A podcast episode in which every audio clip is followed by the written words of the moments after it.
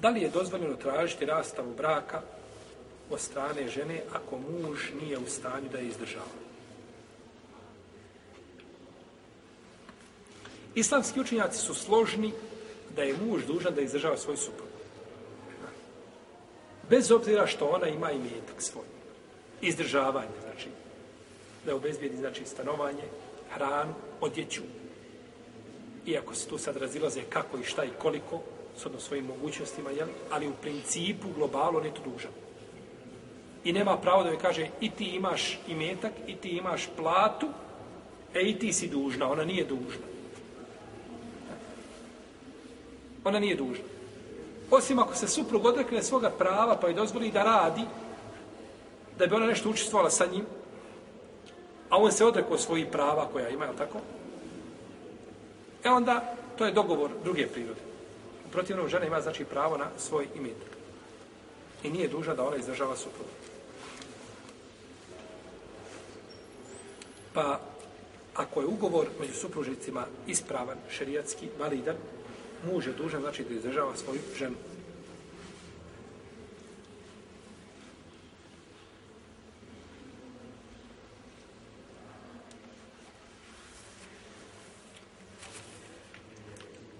Islamski učaci izuzimaju, znači ako um, ona njemu brani njegova prava, intimna i tako dalje, onda, znači, i njegov odnos prema njoj u tom pogledu se, jeli, mijenja. U svakom slučaju, on je načelno dužan da izdržava. I on se može naći u jednom od dva stanja. Može se naći u stanju da je škrt, ima para, ali ne da. Uvijek je tu negdje žena i djeca su na margini, jel tako, uvijek je negdje, ne znam, koliko znači ima ljudi, kod njega je, znači, najbitnija stvar i metak, to je kod njega, ako nije božanstvo, nekako da jeste cilj jedan veliki, koga se on lahko ne odriče. I znači, ne daje to, osim u nekakvim nužnim situacijama. Kad mora, kad je prisiljeno da daje, u protivnom, znači, čini veliki zum. Pa ako ima para, i žena može doći do para, da uzme koliko joj je potrebno, shodno običajnom pravu i shodno staležu žena koji su, koje su na njenoj dereči kako žive i može uzeti sebi djeci, može uzeti bez njegovog pitanja. Znači, zna gdje je kasa i njoj treba za brašno, treba za ulje, treba za meso, treba za određene stvari, treba da kupi djeci školski pribor, treba da kupi djeci, da odvede djete doktoru, ne znam, da plati lijek sve o tome, on to ne da ništa, to je kod njega sve luksuz. Dobro, imate ljudi, znači, kojima je braćo, određene stvari, znači, koje su nužda, kod njega je to luksuz. I ona ima pravo da uzme sebi bez njegovog pitanja. Osim Allah, dragi, da ona procjeni jeli, kakav će ishod svega toga biti. Jer može, jeli, ovaj, ako mi govorimo šta je šerijetski dozvoljeno, ali ako zna, znači da zbog toga imati problema i da fizički nasede na nju, onda gleda isplatio ono je sve što ne isplatio, uraditi. Ali propis kao propis je šta? Dozvoljeno. Dozvoljeno znači da se, da uzme sebi i to je jasno, jeli, ovaj, kada je žena Ebu Sufjana došla i kaže, ja Rasula, inne Eba Sufjan ređulun šahih, on je čovjek šahih, šuh. Buhl, u arapskom može biti buhl je mudrost, a i šuh je mudrost. Jedno i drugo, ne mudrost, nego škrtost. Mi kažemo mudar, ono su škrt. Ono. A mudar je nešto drugo. Škrt. Škrtost je jedno i drugo. Ali kada se kaže buhl, škrt je samo kada je u pitanju materija. Ne traži materiju. Od njega ne traži nešto. A šuh je nešto drugo. Šuh se kaže za čovjeka koji škrt i za materiju i za nasihat. Ne bi ti on dao riječi lijepe za dunjalog. On je škrt u svakom pogledu. Pa je šuh opasniji od buhla. Zato uzvišeni Allah zelo kaže فَمَنْ يُوكَ شُحَ نَفْسِهِ فَأُولَيْكَ هُمْ نُفْلَهُ Ako še sad, sad čuva tog šuha. On je uspio. Šoh znači da budeš škrt i u jednom, šta i u drugom pogledu. Kaže Ebu Sufjane, ređulun šahih, ima šoh. Kaže, hudi ma je u vole, bil maruf. Uzmi ono što ti treba i tvome djetetu shodno običajnom pravu. Shodno onome što koriste, znači žene, šta? U tom mjestu i žene koje je iz tvoga staleža. Živjela si kod babe nekakvim životom ispod prosjeka. I sad došla kod supruga, on škrt i ti sad želiš živjeti životom gore, jel tako, nekakve prve klase. Ne, živiš znači životom kojim se živjela i ono što ti je znači nužno i potrebno, a ne više od toga. Jer on je tebi učinio zulum. Ali ti ne smiješ biti njemu zalime. Ne smiješ ti njemu činiti zulum. Pa ti uzeti više nego šta? Što? Tako. Šef u firmi neće da ti plati platu. Ima ne da. Mogu li ja njemu uzeti nešto da parata? Pogleda mašinu na leđe i kući? To je veliko razilaženje me. Ovaj. Da li se smije tako čovjek naplaćivati? Ne smije. Ako nema drugog načina i puta da naplati svoj trud, ima pravo. S tim, to je šerijatska postavka, s tim što mora biti spreman da, ako ga zakonski budu tretirali, da će biti šta? Iza reštaka, tako. Jer ti nemaš se pravo tako naplaćivati. Mi govorimo, jedan je propis šerijatski, a nakon toga što nastupa, iza toga, nismo nikome kazali, idu u firmu i, jel tako, kupi što ti, mila, što ti volja. Da ne bi neko shvatio da je to propis nekad postoji kao propis, ali ti gledaš nakon toga kako ćeš šta. Kako ćeš ti, znači, ovaj, hoćeš li biti odgovoran, jeli, ili nećeš i možeš podijeti, znači, taj teren. Pa ako nema čovjek načina da se naplati, mogao bi tako nešto uzeti da naplati ono što je ali ne možeš ti uzeti njemu, a, ne znam, mašinu koja košta 3000 eura, a on te ostao duže 600 maraka. I odeš na pijacu i prodaš je za 600 maraka, kaže meni bitno da to tako rade banki sa hipotekama. To je drugo. Samo proda da naplati sebe. To je nešto drugo. Ti ne smiješ njemu činiti nepravdu. On je tebi učinio, ne smiješ ti preći radic, pa ti njemu činiti nepravdu. I zato je najbolje to šta? Ne činiti. Najbolje znači to ne činiti, jer, jer teško je tu da čovjek ne učini, znači, jer nepravdu svome poslodavcu.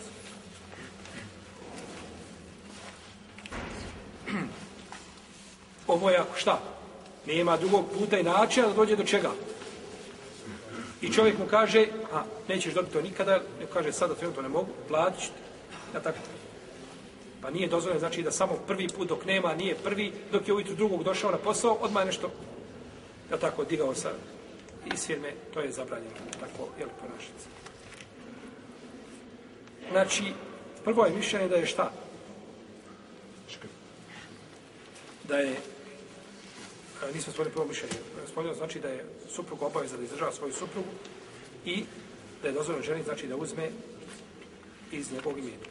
To je prvi slučaj kada ima imet. Drugi slučaj je da nema, ne vidi se imet. Možda ne zna da li ima, da li nema, ne zna se. Stanje uglavnom po spoljašnosti nema. Tako? Čovjek ne radi ili ako radi nešto mizerno, za nešto mizerno radi i slično tome. Da li je dozvoljeno ženi da ide kod kadije i da se požali i da traži rasta u brak? Oko toga islamski učenjaci imaju tri mišljenja.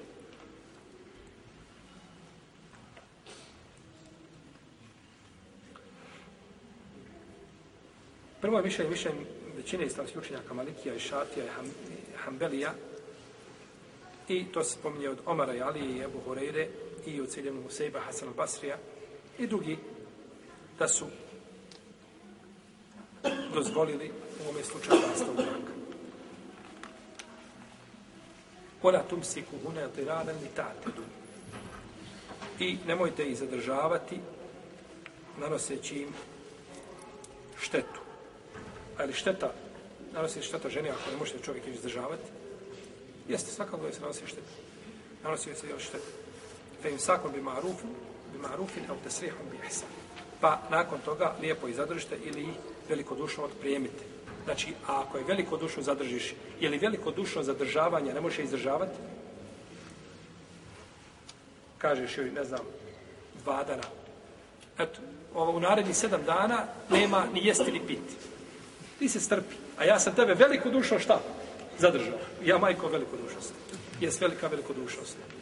Ti je zadržao sedam dana ni kao što ovaj suprug obeća ili ženi tako, tako i tako, naravno to biva sa drugom ženom, i onda nakon toga kada uđe u brak, onda joj se kaže, kaže onda strpi se. Strpi se ti. Ti se strpi. Ti njoj daj sve što ima, pa ti se strpi, a neko ona živi, jel tako? nego ti se strpi, a jeli, kod mene mora biti sve po standardu. Tako da je to ovaj, to je zulum, to je nepravda.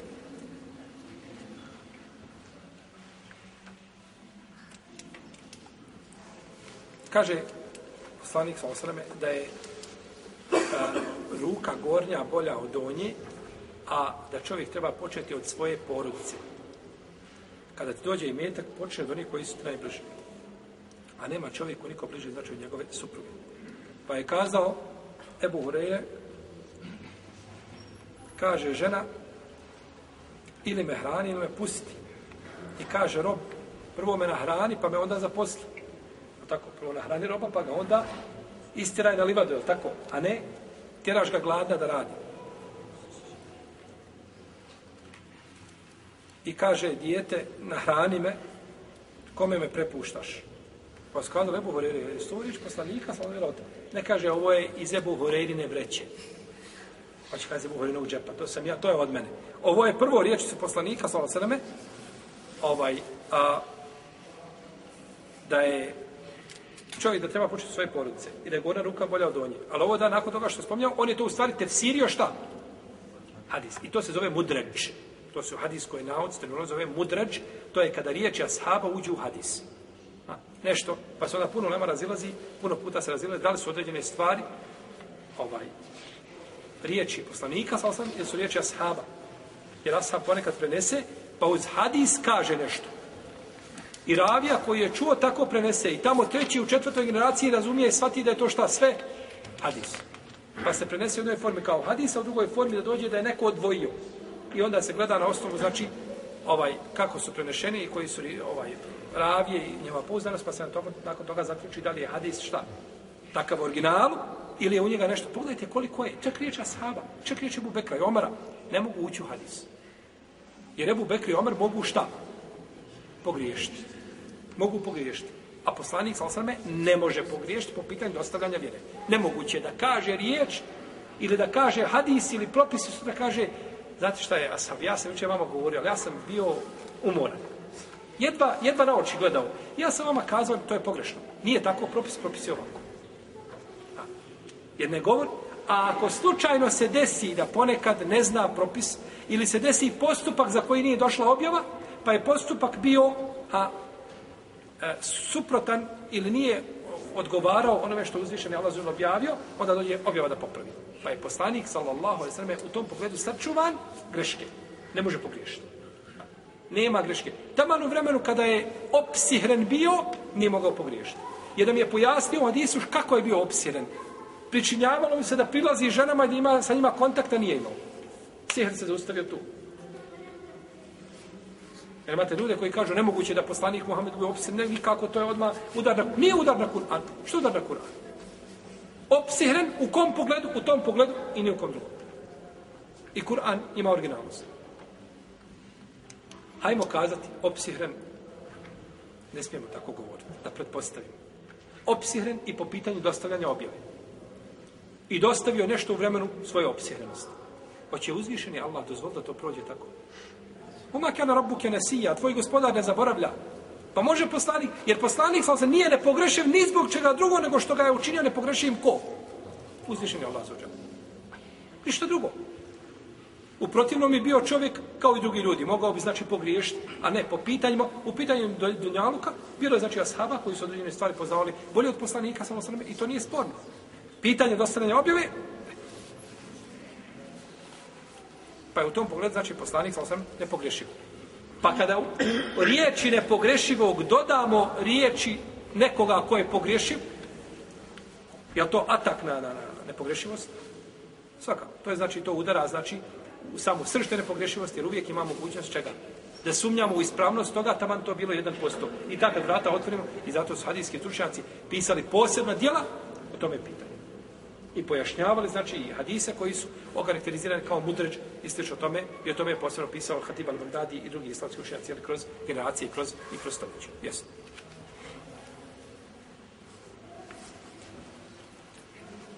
Dobro. Dalje uzvišeni Allah zažel kaže La darara wa la dirar. Nema štete ni štete. Nema štete sebi, niti nanošenja štete drugom.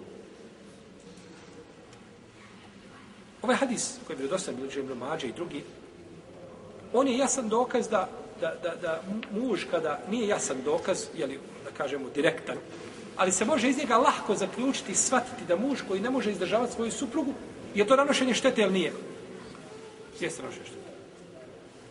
Dobro, on to nije uzrokovo sobom. Pa nije uzrokovo sobom nikada imao sudar i ostao bez karlišnog dijela. Pa ima pravo šta da traži Jesmo sada spominjali to? Ono što me gledate, ovaj... Znači, ima pravo da traži rastav braka, bez... Dobro, nisi ti uzrok, ali ko, ako ti to nisi uzrok, znači ona treba to da trpi? Ne. Nisi ti uzrok što osoba bez posla, nemaš ništa, sve si i, moguće ispitao. Ovo kažemo dozvoljeno. Nismo kazali da je šta? Obavezno, nema sumnje, mi ćemo do toga. Da li je ženi, šta je bolje? To je, ali mi govorimo prava, šerijatska pravo, i ako ona iskoristi svoje pravo, je li griješna ili nije griješna? To je cilj. A u protivnom šta je bolje i preče ovaj, i, i, i ovaj, e, s ljudske strane gledano ovaj prihvatljivije, to je nastav. Je tako? Pa šarijat nije, nije šarijat sve što je dozvolio, nije učinio šta? Obaveznim, je tako? Nije učinio obaveznim. I ne mora znati sve što je šerijetski dozvoljeno da je i bolje. Ne mora znati. Jel u redu? A sve što je šerijetski sunnet ili obavezno, to je sigurno šta? A bolje, je tako? Pa imamo ne samo što je znači dozvoljeno, a ne mora znači da je to nužno odma mora biti jeli, i bolje. Možda sad je ovo neko pogrešno. Bili smo na predavanju, slušali, nije sve što je u šerijetu došlo da je to bolje. Ja nisam tako rekao. Ja sam rekao sve što je vađib, sve što je sunnet, nema sumnje da je... A ne mora znaš sve da je dozvoljeno da je u datom momentu šta i... I bolje. Ne mora znaš da je bolje. Tako.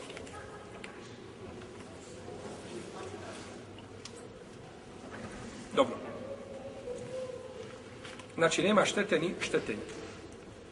I upitan je Said ibn Musaib o čovjeku koji ne može izdržavati svoju suprugu. Da li se mogu razvojiti? Kaže da. Pa zgup to sunnet? Kaže jeste, to je sunnet. To je šta? To je sunnet. Tabin kada kaže da je sunnet, nije kao kod ashaba. Kada bi ashab kazao za određenu stvar da je sunnet, većina učenjaka usul fikha, islamske znači metodologije, kaže da su to da je to hadis. Nešto kažu to je sunnet, znači misle na sunnet poslanika sa osnovom. I to je ispravno mišljenje.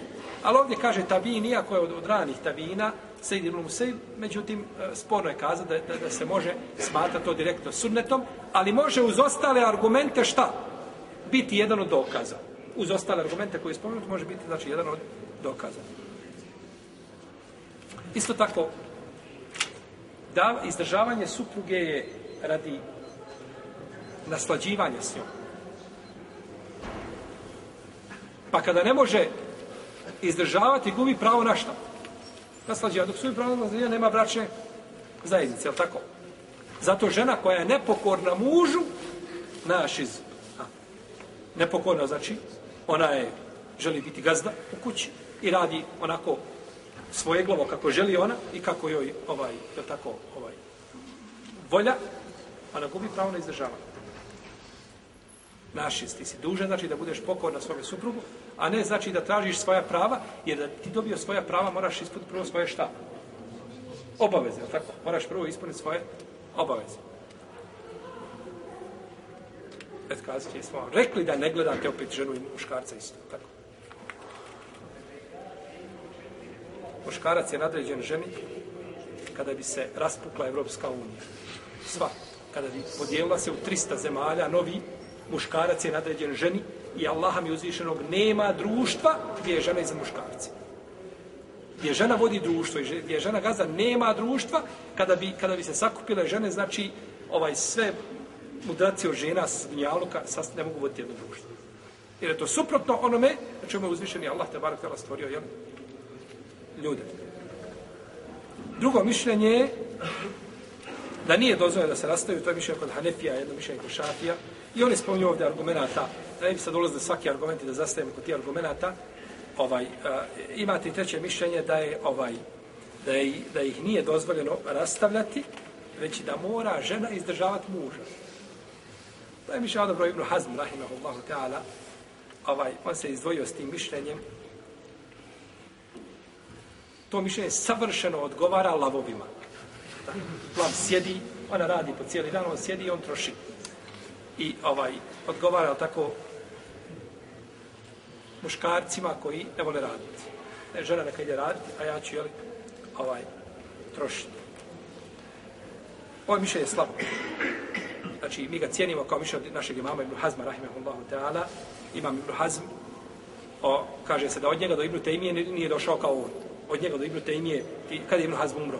456. iđeske godine, a Ibn Tejmije umro 728. U tom, znači, periodu, tih nekih nepunih tri stoljeća, nije došao čovjek uput Ibn Hazma. Ali, jel, kazali smo da je odjećom nepogrešivosti odjeven ko? Poslanik sallallahu sallam. Pa ispravno prvo mišljenje, znači da je to... Dvije minute. Još dvije minute. Do jaci? Ja, ja. Dobro, znači, e, ispravno je prvo mišljenje da je, da je to šta? Da je dozvoljeno u tom slučaju tražiti. I razilaze se, znači, u lema da li je ovo razvrgavanje bračne veze poništenja ili je talak. Šafije i Hanbelije smatraju da je ovo razvrgavanje bračne veze, da se tu kadija umješa i kadija znači da razvrgne bračnu vezu, a nije znači samo talak. Dok neki učenjaci smatraju, pa malikije smatraju da je to talak u kome čovjek ima pravo da vrati svoju žu, suprugu u vremenu čega? Iddeta. Kakva je onda, raz, kakva je onda korist od razdvajanja? Ta, kad je i razdvojio i on došao u kući kaže vraćam se. Šta je urađeno? I opet nema para, nema hljeba. Ništa je. Šta je urađeno? I razumijete šta je poenta? Ako kažu da on ima, ne, to je razvrgavanje, istog momenta se razdvaju i završeno. A kažemo da je to talak, gdje on ima pravo da je vrati dok iziđe, iz, dok pređe prag kod kadije, dok se zatvore vrata, kaže vraća nas. Pa će je vratiti. Pa naravno da će je vratiti, on je nije htio pustiti. Pa tako. Pa je ispravno mišljenje šafijskih, ambelijskih pravnika da je to šta? To je razgranje braće veze, nakon toga znači završeno, znači ne, ovaj, jer nije moguće znači da je da je jeli, izdržao.